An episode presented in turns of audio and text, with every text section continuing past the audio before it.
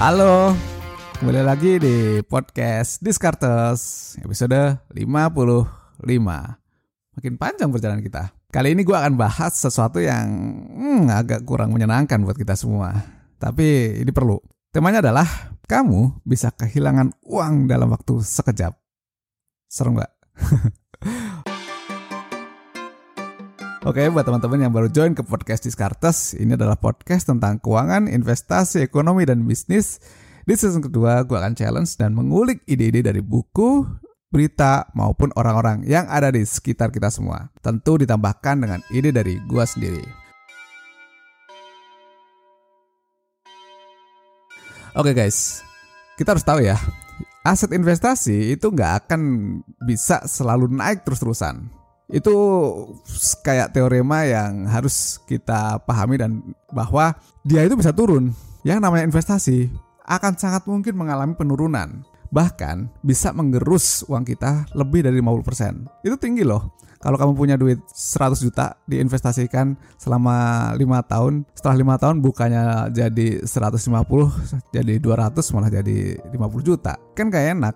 Oke, gue akan cerita kejadian yang terjadi sebelum era gua lahir ya. Ini era lama. Ada dua event gede.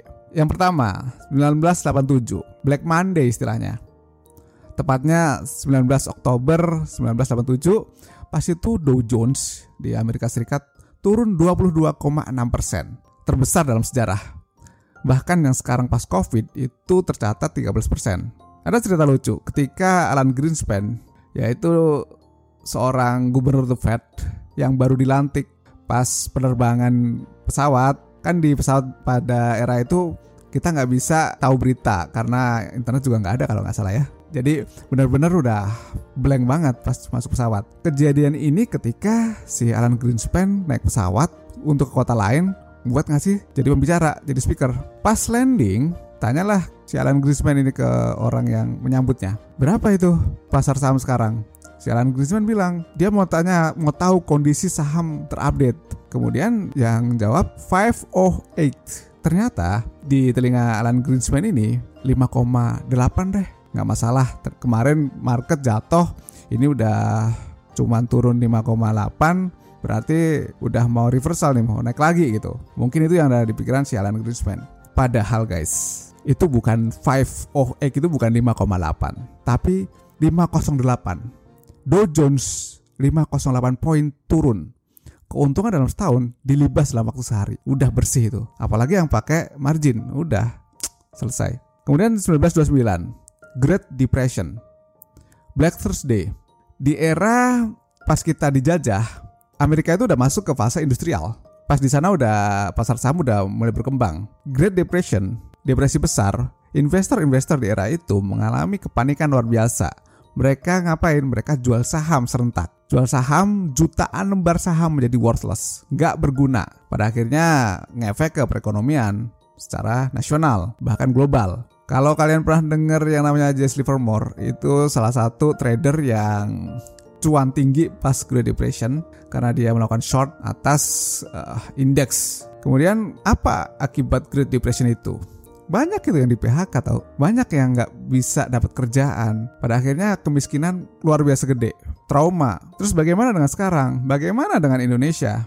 Kalau kita ngomong Indonesia kita nggak bisa lepas dari IHSG ya kan? Nah IHSG ini juga ngalamin tuh. Naik turun naik turun. 2003 sampai 2007 pasar saham kita tuh bagus-bagusnya. Naik signifikan teratur gitu kan. Kemudian tiba-tiba ada krisis subprime mortgage 2008 2009 jatuh itu. Saham kita ambrol. Dari yang kita tumpuk dari indeks sampai ke angka 2700 jatuh menjadi 1200-an kalau nggak salah. Bahkan pernah di bawah itu. Artinya kerja keras bertahun-tahun hilang dalam waktu hitungan hari hitungan bulan. Nggak cukup segitu.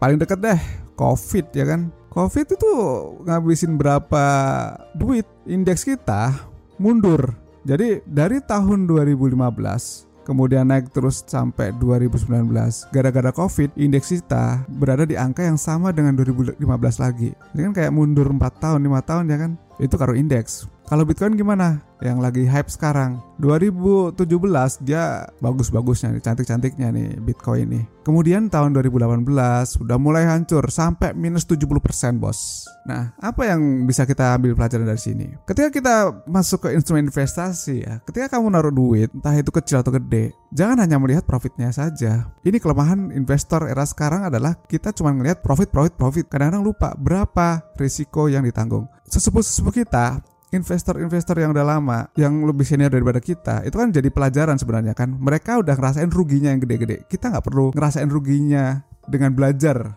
dengan tahu bahwa risiko yang terkandung dalam sebuah investasi itu ada. Jadi benar-benar hati-hati ketika kita mau injek money ke situ. Masalahnya adalah kadang-kadang kita paham soal risiko itu cuman pas daftar. Kalau kamu daftar ke aplikasi itu kan ada form tuh buat ngecek profil risiko paling ingetnya pas itu doang atau kadang pas masuk instrumen kan jadinya hajar aja lupa itu risikonya Padahal senior-senior kita yang sudah lama, gue juga masih belajar ya dari sesepuh-sepuh ini, untuk mendapatkan cuan yang gede, pastikan risikonya termanage. Karena yang paling berbahaya dari risiko yang gak termanage, apa coba? Panik. Kok bisa panik sebagai akibat risiko yang gak termanage? Ya karena kita ekspektasinya bagus terus, naik terus, padahal kenyataannya enggak. Kalau panik, apa coba yang akan kita lakukan? Orang udah panik nih, udah punya posisi yang banyak nih. Ada kabar, aduh ini bentar lagi jatuh. Apa yang akan dilakukan? Jual kan? Apakah kamu akan melikuidasi aset meski harganya jatuh? Bisa saja iya, karena udah terlanjur panik. Makanya di sini mental itu penting, bukan mental yang hurt yang ikut-ikutan, tapi mental yang ngerti kamu mau ngapain. Kita nggak bisa tahu apa yang menimpa besok. Even ekonom atau investor kelas dunia pun nggak bisa make sure 100% itu nggak bisa. Nggak ada yang bisa. Makanya nih ya, ini penting banget nih untuk memikirkan, untuk membuat alternatif-alternatif apa sih yang kemungkinan bisa terjadi, bukan berpikir pasti nih besok pasti naik, besok pasti turun, bukan kayak gitu, tetapi membuat alternatif. Kalau A kayak gimana, kalau B kayak gimana. Jadi yang harus dilakukan ya cuma tiga. Pertama adalah have a plan, membuat skenario-skenario tadi. Kemudian yang kedua adalah siap-siap kalau kondisi yang terburuk terjadi. Makanya kan mikirin exit plan-nya itu seperti apa. Kemudian yang ketiga adalah tetap tenang. Kenapa tenang? Karena kalau kamu nggak tenang, sebagus apa pun planningnya, nggak akan bisa dieksekusi dengan baik. Semerawut, harusnya dijual, eh ditahan, harusnya ditahan, eh dijual. Ya karena nggak tenang tadi. Ingat kan gimana market itu kerja? Market itu kerja dengan memindahkan duit dari orang yang tidak sabaran ke orang yang sabar. Pindah-pindah gitu. Jadi jadilah orang yang sabar. Itu dari gua. Mudah-mudahan akan bikin kalian lebih wise, lebih bijak dalam berinvestasi, lebih paham soal risikonya, nggak main hajar. Dan sampai jumpa lagi di podcast Discartes episode selanjutnya. Thank you and bye.